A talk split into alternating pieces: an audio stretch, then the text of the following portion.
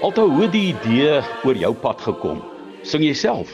Ah Johan, ek was baie bevoorreg om op ehm um, tydens die 2018 Wêreldkoorspele betrokke te wees in die uh indiening van die bid om dit te kry, asook die hele beplanningstyd. So ek het 'n reuse um, blootstelling gehad aan wat mense in die koorindustrie kan doen en in my rol as 'n plaaslike programbestuurder vir die op die internasionale reëlingskomitee het dit net wêrelde oopgemaak vir my wat ongelooflik was.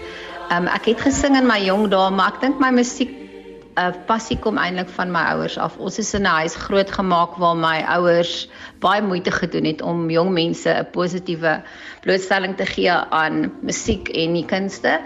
En ons het dit oorgedra aan ons kinders en dit is nou maar deel van wie ons as mense is. Ek is so geseënd om op 'n baie lae ouderdom een van my groot passies te kan uitlewe. Maar jy het 'n meestersgraad, so vertel vir ons van jou meestersgraad wat jy voltooi het, want dit val eintlik perfek in plek, né, vir die organisatoriese vermoëns wat koorfeeste of samekomste verg om te reël. Johan, ja, ek dink my vorige uh, werk my werkslewe in die korporatiewe omgewing het my ongelooflik baie gehelp. Ek is eintlik 'n geregistreerde wetenskaplike ook. Um het gewerk as 'n wetenskaplike projek op projekte gewerk, verskeidenheid projekte in die korporatiewe omgewing as 'n kliëntediensbestuurder. Ek het strategiese konsultasie gedoen en dit klink nou ek is baie oud, so ek weet dis baie, maar wat dit ongelooflik wonderlik vir my maak is asof my pad vir my alreeds neergelê was.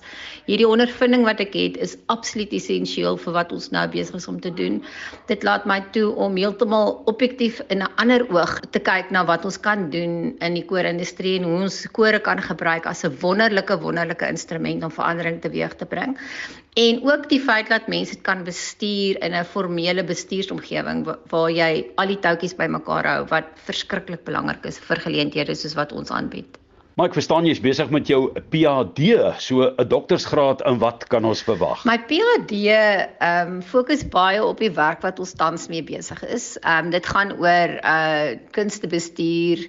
Ek noem my onderwerp uh arts management the change makers toolkit of playbook um en die hele doel daarvan is om al die ondervinding wat ek opgedoen het sedert 2015 toe ons begin het met die beplanning van die wêreldkoorspele uh, saam te vat in iets wat werkbaar is vir mense wat in die kunsteindustrie in die reëling van geleenthede wil betrokke raak. So ons kyk na die gebruik van ehm um, kore byvoorbeeld as 'n as 'n instrument om verandering teweeg te bring. Al hierdie goed waaroor almal altyd praat, social cohesion en al hierdie goeters, dit gebeur outomaties as jy die regte uh, omgewing skep waar jy die regte mense bymekaar bring. So ek is baie opgewonde daaroor. Dis nou maar nog die begin van die hele reis om my PhD te kry, maar ek glo dit gaan baie waarde toevoeg. Alta kom ons kom terug na die kern van waarmee jy besig is. Wat beteken koorsang en die gedeelde waardes daarvoor vir die breër Suid-Afrikaanse gemeenskap?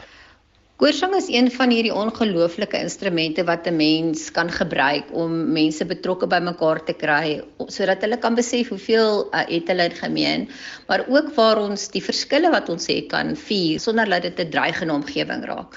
So die koorkonserte wat ons hou betrek alle ouderdomsgroepe, alle rasse, alle kulture, alle oriëntasies. En elke keer as jy daar uitloop, dan weet jy wat hier gebeur het vanaand was was wonderlik. Dit was 'n wonderwerk. Um en dit is wat musiek doen. Dit betrek betrek nie noodwendig jou brein nie, maar dit betrek jou hart en dit gee vir jou 'n plek waar jy veilig is en waar jy spesiaal voel en 'n boodskap kry wat jou kan deurtrek in donker tye. So vir my kan ons land nie vorentoe gaan sonder koorsang nie. En die netwerke kring ook seker uit. Dit uh, span seker ook oor internasionale grense. Vertel vir ons daarvan.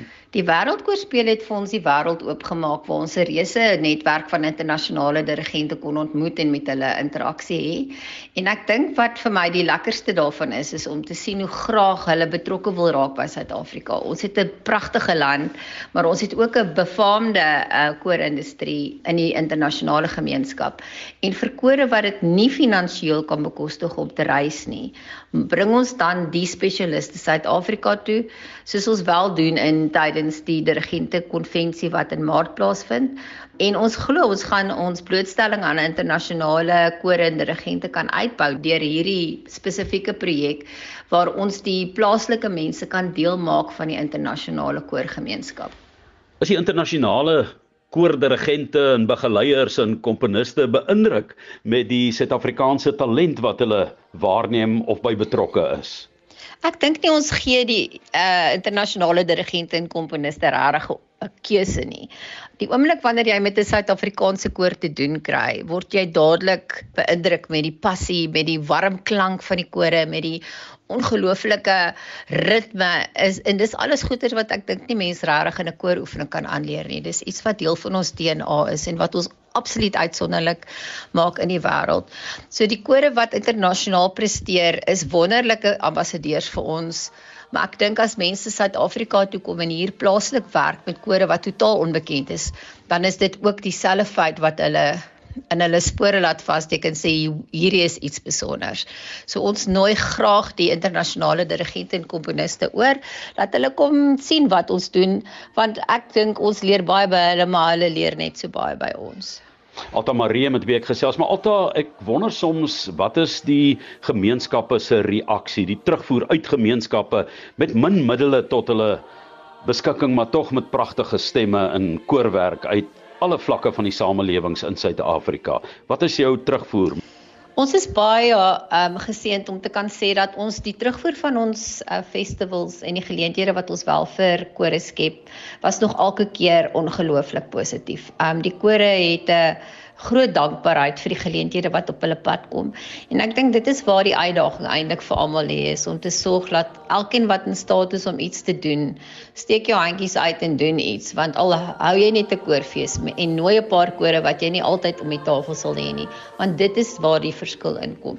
So ons kan getuig van ongelooflike terugvoer. Um, ons kan sien die dankbaarheid op die gesigte, die mense skitter op die verhoog. Hulle gesiggies skyn sommer helder. Ons was nou die afgelope naweek in Kimberley en dit was net onvergeetlik. Dit is elke keer iets wat 'n mens net nooit sal vergeet nie.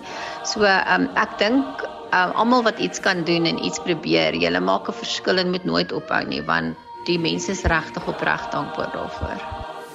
Ek is Johan Rademan en dit gesels met Alta Marie, die stigter en direkteur van CCNF Dit is die Coral Celebration Network Foundation, 'n nuwensgewende organisasie wat wonderlike werk in Suid-Afrika doen. Ek is seker daarvan daar is nou koorlede oor hierdie land van ons wat se ore gloei in hulle ore gespits het. Waar kan hulle meer van julle hoor en waar tree hulle weer op en dalk wil van hulle inskakel? Baie dankie vir die geleentheid Johan. Ehm um, enige koor wat nog nie deel is van die CCNF netwerk nie, kan ons gerus kontak. Ons het 'n webwerf www.ccnf.co.za en ook 'n baie aktiewe Facebookblad waarop jy ons vir ons 'n boodskap kan stuur en ons reageer gewoonlik baie vinnig. So as jy ons Facebookblad wil soek, dit is @Coral Celebration Network. Ons sal baie gou na jou toe terugkom want ons is regtig daarop uit om kore te ondersteun en soveel mense betrokke te kry as wat ons moontlik kan.